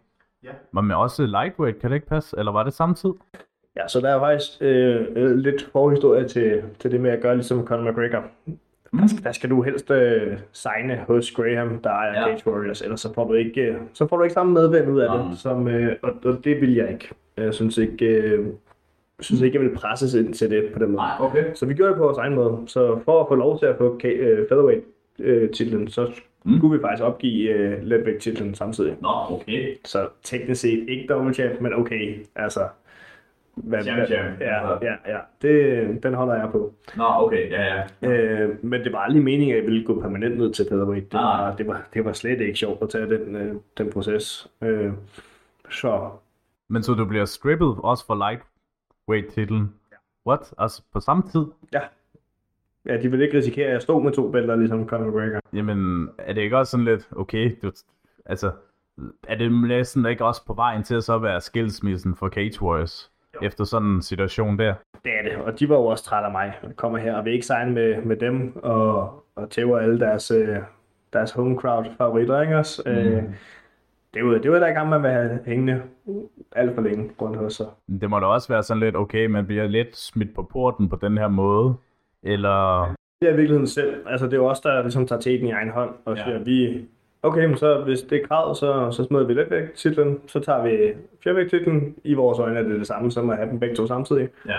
Øh, og så at de, de laver lidt det, øh, det er lidt et dick moving også, fordi vi har sagt til dem, vi kommer ikke til at stille op i fjervæk igen. Alligevel annoncerer de kampen mod Dean Truman, og så melder det tilbage som om, at jeg trækker mig fra kampen. Så ja, okay, det kan vi godt kalde det, hvis det er det, I vil. Men altså, vi, øh, vi giver titlen tilbage og siger tak for nu. Det må også skabe sådan lidt forkerte signaler, ikke? Altså, man bliver da vel også lidt irriteret, at man bliver skrevet til, at man ikke, man ikke er klar, altså, når det er en helt anden side af historien. Som om, at vi, altså, vi, vi havde i hvert fald meldt til dem, at det kan godt være, at der er noget kommunikation, der er gået tabt der. Mm. Men, øh, men vi havde meldt, at vi kommer ikke til at stille op her igen. Så altså i, i fjervægt. Hvordan havde du det egentlig så, at en som Mads Brunel så vinder titlen? Fordi det var jo, han var jo i samme vægtklasse. Ja, ja han er i fjervægt. Ja, hvordan havde du det egentlig med, at han egentlig så vandt? Altså, nu kan man jo ikke se din titel, fordi det har det jo desværre aldrig været, fordi du vandt jo interim Ja. øh, bæltet også, ikke? Altså, men hvordan var det den følelse, du tænkte, at Mads lige pludselig vandt den? Jamen, det var fedt. Jeg har altid en masse det bedste. Øh, og det var en, en god kamp, og han var dominerende. Så øh, ikke langt fra den, egen, den strategi, jeg ville have lagt mod øh, Dean Truman selv. Det vil gerne tale om, om, om Mads, kan man sige, men det er sådan faktisk i den kontekst, jeg synes var fedt, det var, at øh, Morgan Charrier går fra tabe til mig, og så til at kæmpe sig op og få bæltet fra det mm. faktisk, efter at Mads han forlader det. Så Der har ikke været, nu ved jeg ikke, om du vil bekræfte eller ej, har der nogensinde, du ved, haft tanker om at møde Mads? Mm. Eller har har der været den snak, eller har det bare, du ved... det, det, Eller... Jeg tror ikke øh, rigtig seriøse tanker fra hverken mig eller Mads. Okay. Øhm, det, er sådan en, det er sådan en ting, som, som danske MMA-fans synes kunne være super fedt. Det kunne det. Men, men mig og Mads, vi ser jo større, øh, i et større billede, ikke også? Hvem vil øh, synes, det var fedt ud over danskerne? Ikke rigtig nogen. Altså, så stor er hverken mig eller Mads i udlandet, at, øh, at det var noget, som vi kunne få resten af verden til at se med på. Og det er jo resten af verden, vi kæmper for os. Vi kæmper for Danmark, men ude i resten af verden, mod resten af verden, der er rigeligt folk at slås imod. Ingen grund til, at vi danskere skal kæmpe mod hinanden. Nej, nej, hvis øh, ikke man spørger Marco og Patrick Nielsen. Ja, altså, men det er jo, det var lidt show, altså, ikke? Altså, det, jo, fair nok, fair Ja, ja, ja. Men, altså, men, den afslutning havde vi jo set komme, der var ikke noget, det var ikke, altså, seriøse fans vidste jo godt, det ville ske. Ja, ja, altså det vidste jo alle enhver, ikke? Altså hvis man også, hvis man er måske UFC hardcore fan, ikke? Hvor man så uh, James Toney, som er jo en legendarisk bokser, imod den uh, legendariske Whitney Couture, ikke? Altså, det er jo same shit, som man ser jo, ikke? Altså. Det kunne aldrig gå på andre måder. Nå, nu uh, skal vi videre til det, der er interessant jo for det hele jo, ikke? Men uh, du var jo faktisk tæt på at komme til UFC. Ja. Men uh, det skete jo desværre ikke. Det, fordi så kom Bellator på. Det var jo det anden største, der kommer i uh, MMA-verdenen. Hvordan var det at følelsen at skrive med dem? Jamen, det var fedt. Det var, og særligt efter snakken med USA, kan man sige, det var et, et sted, hvor at de også gerne ville det her på den rigtige måde. De ville gerne, øh, de ville gerne støtte op omkring, at, at jeg skulle have noget tid til at blive klar til hver kamp og sådan ting. Det var ikke øh, noget last minute, øh, gå lige en vægtklasse ned i sidste øjeblik, som UFC jo desværre er kendt for at gøre. Fordi du skulle jo have originalt været i Royal Arena, inden du skrev kontrakt med... Jeg fik i hvert fald, jeg fik i hvert fald tilbud i sidste øjeblik, kan Ja. man sige, øh, og så kunne jeg godt have sluppet alle planer. Øh, med det øh, emne, som du godt nok har været pladet hele det år, det fjerde vægt. Altså, ja, præcis. det er som om det år bare har været det der irriterende ord for dig. Og det var simpelthen så tæt på, så uanset hvor mange penge de havde tilbudt for det, så tror jeg sgu ikke, at det var... Bare det der med at komme i sidste øjeblik og sige, gå lige en vægtklasse ned. Altså, når man kommer på den måde, så, er det jo ikke, så har du ikke den fighters ved at vel for øje. Jo. Så tænker du kun på din, din organisation, dit event. Jeg synes, det var forfriskende at komme ind til et sted som, som Bellator, der altså, jo er lige så professionelt bag scenerne, men, men ligesom har en anden respekt for fighterne. Og det er jo Scott Coker, der har MMA jo. Han er jo også en uh, rigtig velkendt mand i forhold til, at han uh, har styrt uh, Strikeforce, altså før, inden han kom til Bellator, og egentlig har haft uh, rigtig godt styr på det. Ja. Øhm, du møder jo ham her Terry her Ja. i England, London, som er jo efterhånden jo din uh, rigtig gode ven jo. øhm, Jeg vil sige, at jeg tror, jeg, jeg, jeg stopper med at, at, at prikke til ham nu. Han er faktisk lige gået øh, på pension. er det? Ja, jeg tror her... Øh, Er han så gammel? nej, det er han egentlig ikke, Nej. men, men øh, han så godt nok medtaget ud. Han havde lige tabt en, en kamp igen. Okay. Øh, så, øh, så fred være med det. Ja, ja. Han, han spillede i hvert fald rigtig dum og smart, øh, både op til den kamp, og under den kamp, og efter den kamp. Så øh, Hvad var det, hvad var det citat, der var? Fucking boring. boring. Ja, men boring motherfucker, og så blev tiludviklet.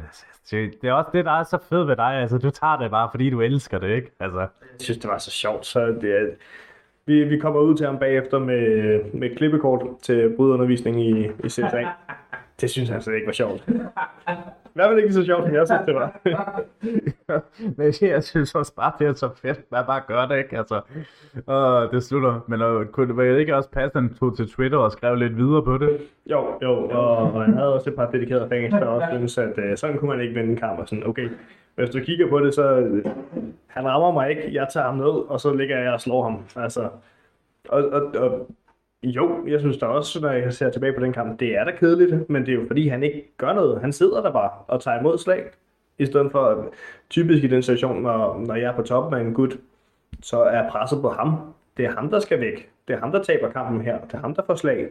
Så han er nødt til at, at satse noget. Han er nødt til at prøve at vende ryggen til for at komme op og stå. Ja. Han er nødt til at prøve at skabe noget afstand, og på den måde komme videre i teksten. Han satte, sådan sad der bare. Og så, altså der skal to til en kamp. Vi kan jo ikke bare have, øh, at, at jeg skal lave alle ting for ham også, kan man sige, slippe ham fri, og så lade ham tage ham igen. Det var lidt, lidt malplaceret, synes jeg, kritik. Sweet moment, ikke? kan man sige. Ikke? så, men øh, du får jo også nogle par sejre efterhånden. Øh, jeg kan ikke huske, om det var der, din første øh, skade kom, øh, korsbåndet. Øh, og hvor vi så kommer i den der meget, meget berømte tid af coronatiden, ikke? hvor man ikke måtte noget som helst. Det var jo øh, det var sideløbende, øh, og det var lige op til den kamp her øh, mod Terry Brazier. Øh, hvilket også var medvirkende til, at vi skulle ikke tage for mange chancer, fordi vi vidste godt, at øh, benet helst skulle have noget pause, og det fik det jo så også bagefter, fordi så rammer corona jo.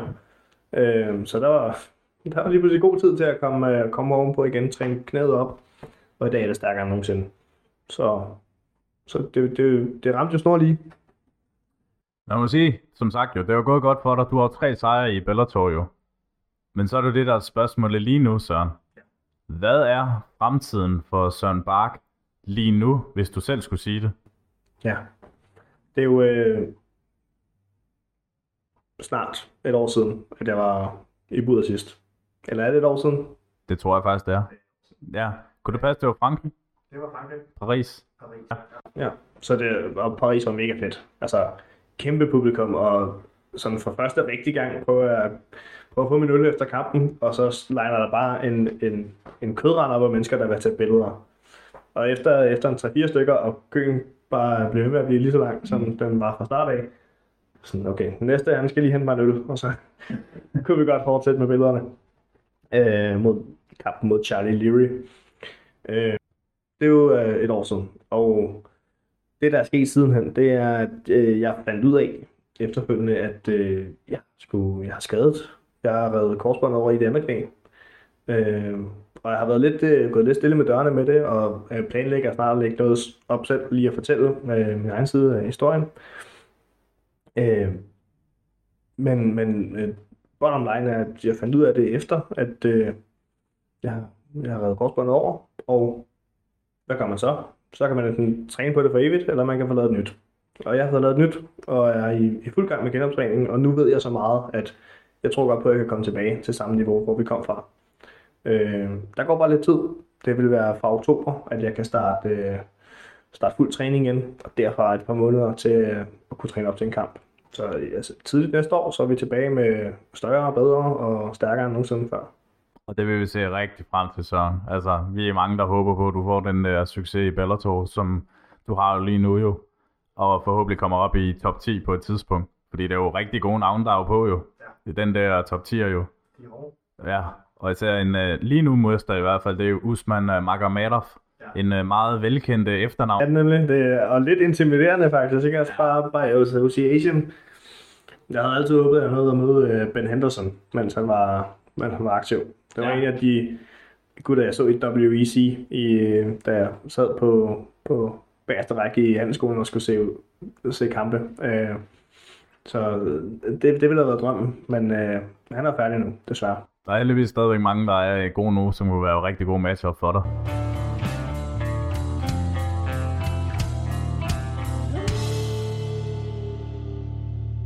Søren, nu synes jeg, vi skal lave podcastens top 5'er. Den er jeg altid glad for at lave, fordi det skaber altid noget fedt, at man kan lave noget top 5'er over nogle ting og emner, for eksempel som vi har i dag jo, livet som MMA-kæmper, ikke? Vi snakkede jo om, hvad skulle vi lave for en liste her, og nu fik du jo lov til at vælge, og det er jo top 5 modstandere, som du har mødt. Ja. Og igen, det kan jo være tilfældig rækkefølge, at øh, du vælger dem på, fordi igen, det kan jo altid svært at sige, hvem er nummer 1, hvem er nummer 2 og 3, ikke? Altså, så vi siger jo bare tilfældig rækkefølge. Ja. Så Søren, du øh, kører bare løs. Ja, men den første, der kommer, kommer til, til mind, så at sige, det var øh, min første rigtige kamp i udlandet, hvor jeg møder Alexi Numinen. Ja, som du tabte til første kamp. Nej.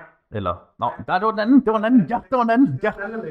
Som, som min første rigtige kamp i udlandet, hvor at jeg, jeg møder Alexi Numinen igen på hans hjemmebane. Øh, og som lidt af et stort navn også, ikke? Fordi han havde lige det første amatør-VM havde han lige vundet. Øh, øh, mens han, han var professionel, men så gik han amatør, så det måtte man godt dengang. Øh, men min første kamp, der går til decision, men det er bare en mega fed kamp frem og tilbage. Masser af action. Øh, og han er bare en kanonfyr bagefter, så vi snakker stadig sammen øh, jævnligt, uge til uge nærmest, ikke også? Okay, det er vildt nok, at man kan skabe sådan øh, et venskab ud af det. Man, man lærer virkelig hinanden at kende, når man bruger så lang tid op i buret sammen. Det, det er som om, det, det er ligesom øh, øh, kæledyrsår, ikke også? At øh, et minut op i ringen, det, det kan bruges rigtig meget. Ja. Øhm, så han er, han er bestemt deroppe af. Øhm, nummer to kamp i, øh, i Bellator, Bobby Lee, er altså også en, øh, en, en god herre at, at lære at kende. Helt nede på jorden, en rigtig sydstats øh, knægt. Det var også været meget sådan fedt navn, Bobby Lee. Altså det kan jo, nu er jeg jo meget ind til det der pro-wrestling-verden. Jeg synes også, det er bare helt perfekt navn, man kan hedde det. Ja, ja, ja. Men han var bare, altså... Jeg kan huske, lige efter indvejningen, der kommer han over til mig og, og snakker sådan om, øh, det der viking-tema, det var mega fedt. Og øh, øh, om min introsang var Vladimirs team, eller hvad var det, og, og, og sådan. Så vi snakker frem og tilbage der, og vi snakker også øh, stadig fra tid til anden. Øhm, og så i øvrigt en mega god kamp. Det er som om, rigtig gode kampe har det også med at, øh, at, at tage det med videre, ikke også? Scott Clift, som var min øh, debut i, øh, i Cage Warriors.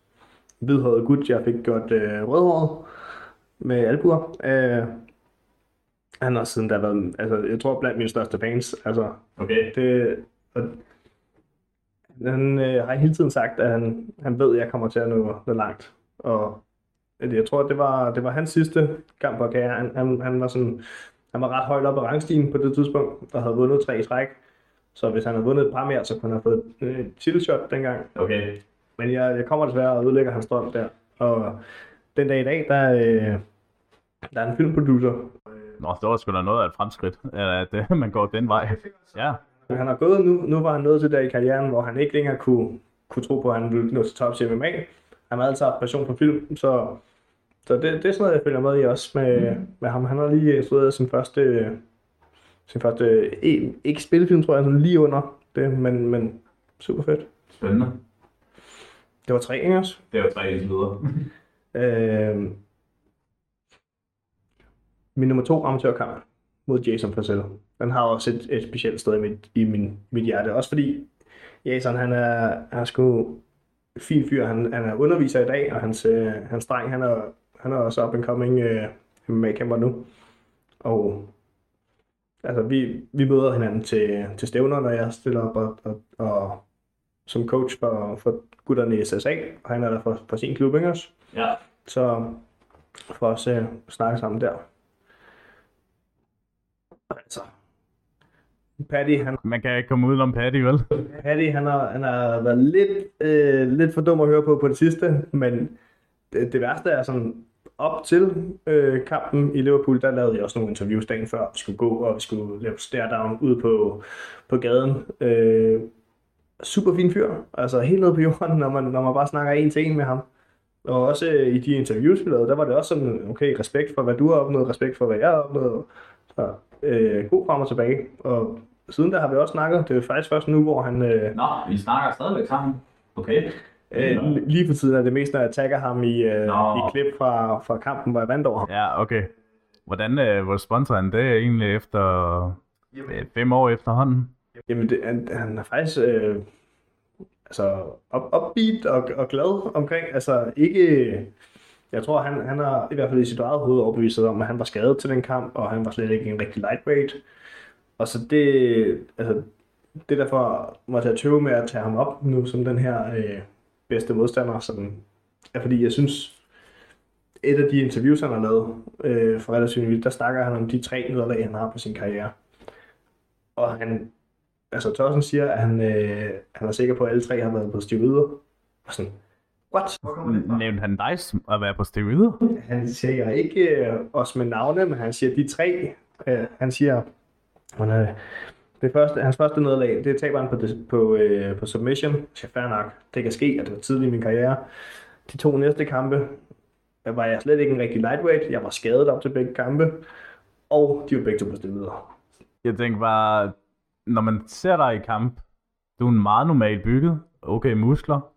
Au, egentlig. Okay, okay. meget muskler, ikke? Jo, ikke, men Men, men steroider, ah, det, det er måske lige voldsomt nok at sige på en mand, altså for din bygning, at sige, at du er på steroider, ikke? Altså, Ja, jeg har, jeg har kun hørt det, det refereret en gang før, og det var, det var faktisk Terry Brazier øh, okay. til pre-fight interview, der sagde, at han ved ikke, hvordan, øh, hvordan ham der, han var gået i, i featherweight før. Det er i hvert fald umuligt nu, eller også har han taget videre, eller sådan der. men når man bruger ordet steroider, så er det jo nærmest noget, man tager på jo, ikke? Altså, man kan jo ikke tabe sig med steroider. Han sagde, at, øh, at, at det, det kunne jeg ikke gøre nu, fordi som om, at det havde jeg taget, ikke? Ja, ja.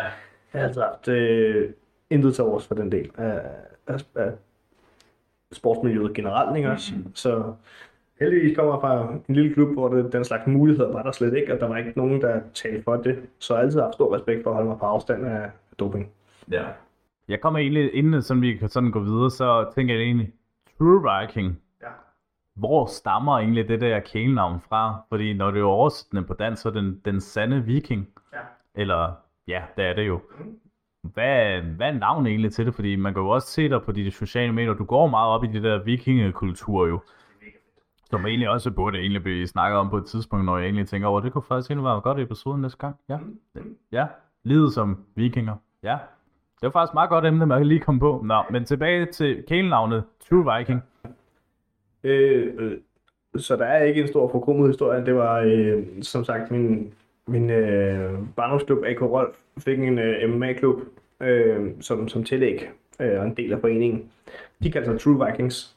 Så øh, jeg havde vundet et par kampe for dem, og så skulle jeg ind øh, i CSA og træne professionelt. Jeg skulle også læse, øh, læse min studie, men altså, den primære årsag til at flytte til København dengang, det var at kunne træne fuldtid øh, ved siden af studiet. Og jeg havde ikke noget nickname. Jeg havde vundet et par kampe, så det var ikke helt ved siden af, at jeg lavede et nickname. Og de synes jeg øh, i forvejen, det passede godt på mig. Og så var det en måde at få klubben at leve videre ind i København, ikke også? Så True, Viking blev til, uh, True Vikings blev til The True Viking. Ja, og du er jo også sådan, når man ser på din anden træk, du klæder dig så ud som viking, inden du skal op på, ikke? Altså, man kommer i kamp, ikke? Jeg tænker jo også, det må også være federe at være nogle MMA-steder, hvor du egentlig kan være klædt ud som viking, fordi UFC, de kører jo ikke rigtig det der vilde indtrængt, som hvis det kun er i sådan en specielle anledning, ikke? Så det må også være lidt, du ved, lidt fedt, man lige kan få lov til at være, du ved, klædt ud, inden man kommer op i kamp. Jo, og det er jo, det er jo, i USA der er det jo sponsoratet, der skal, der skal køre rundt, ikke også? Og tjene penge til hele maskinen øh, med Reebok og Venom og, og hvad de ellers har haft, ikke også? Jo. Øh, og i de andre forbund, der er det jo fighterne selv, der styrer, hvordan de er klædt ud eller er klædt på øh, med deres egne sponsorer, og kan jo også tjene pengene på det.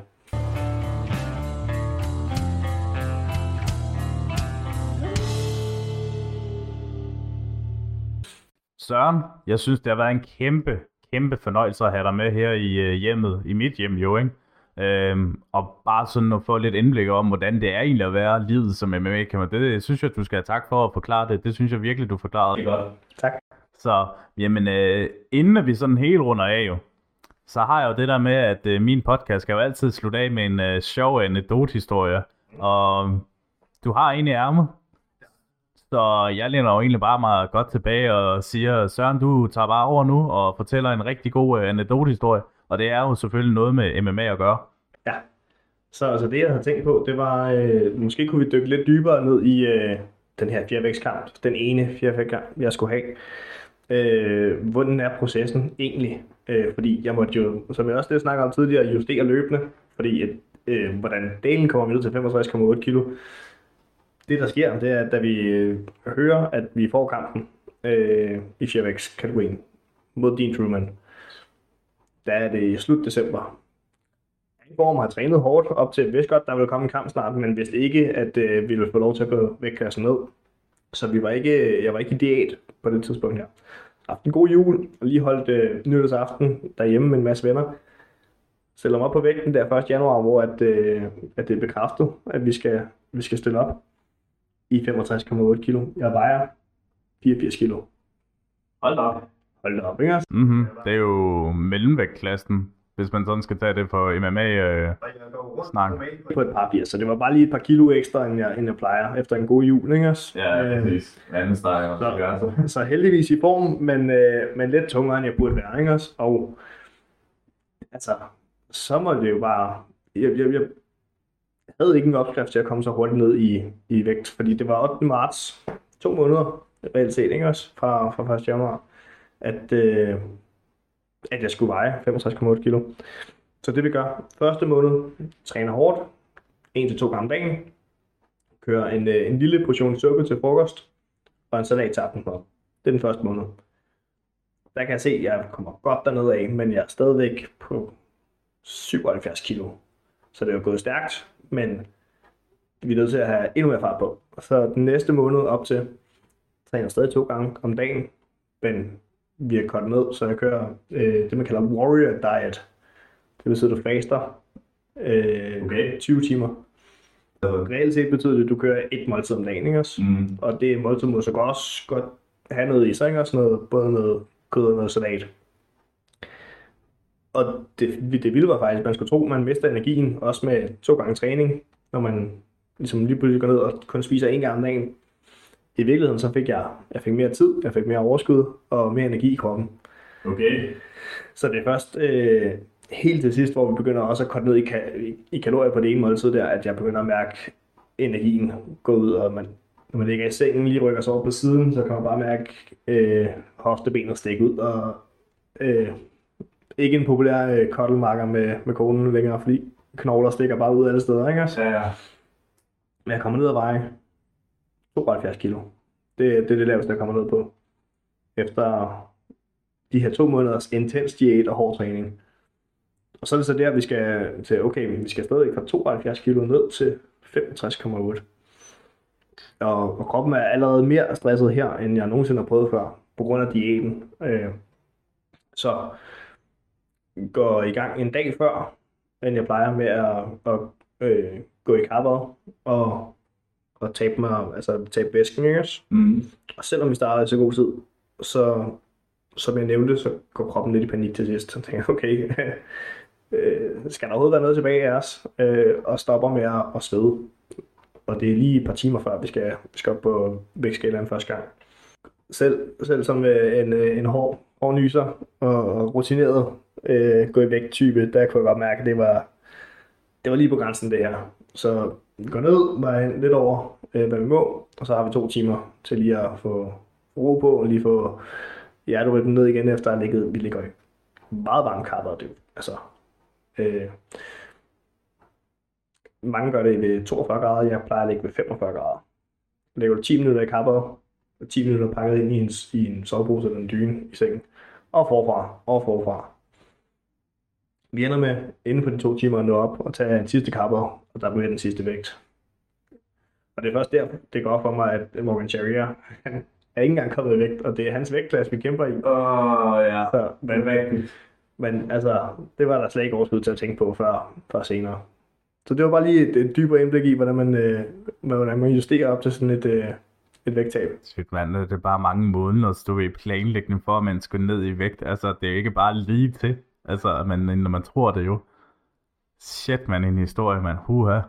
Det, det er jo spændende at se, om nogen kan blive lidt mere inspireret om, hvordan øh, den måde, man selv kan tabe sig på, ikke? Altså selvfølgelig inden for kampsporten, ikke? Så... Og, og så skal det siges, at øh, altså, det, don't try this at home, men det, det er mest den sidste del. Man kan sige, man kan godt prøve at, at lege med noget intervallfase, det gør jeg selv også, øh, også selvom jeg ikke skal i kamp. Det er sådan en måde, så kan du have nogle lidt større måltider, hvis du springer nogle måltider over. Det, øh, det fungerer godt for min krop, så det kan man jo prøve, hvis man vil. Det er jo lidt... Øh... Jamen, øh, så er der ikke andet at sige. Med disse ord vil jeg bare sige tusind tak til jer lyttere, fordi I har lyttet med på podcasten Holms Temasnak. Vi ses i næste episode.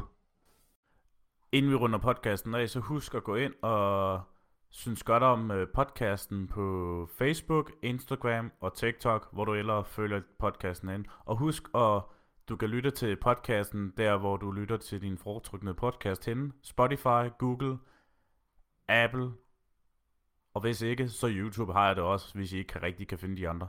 Tusind tak, fordi I har lyttet med.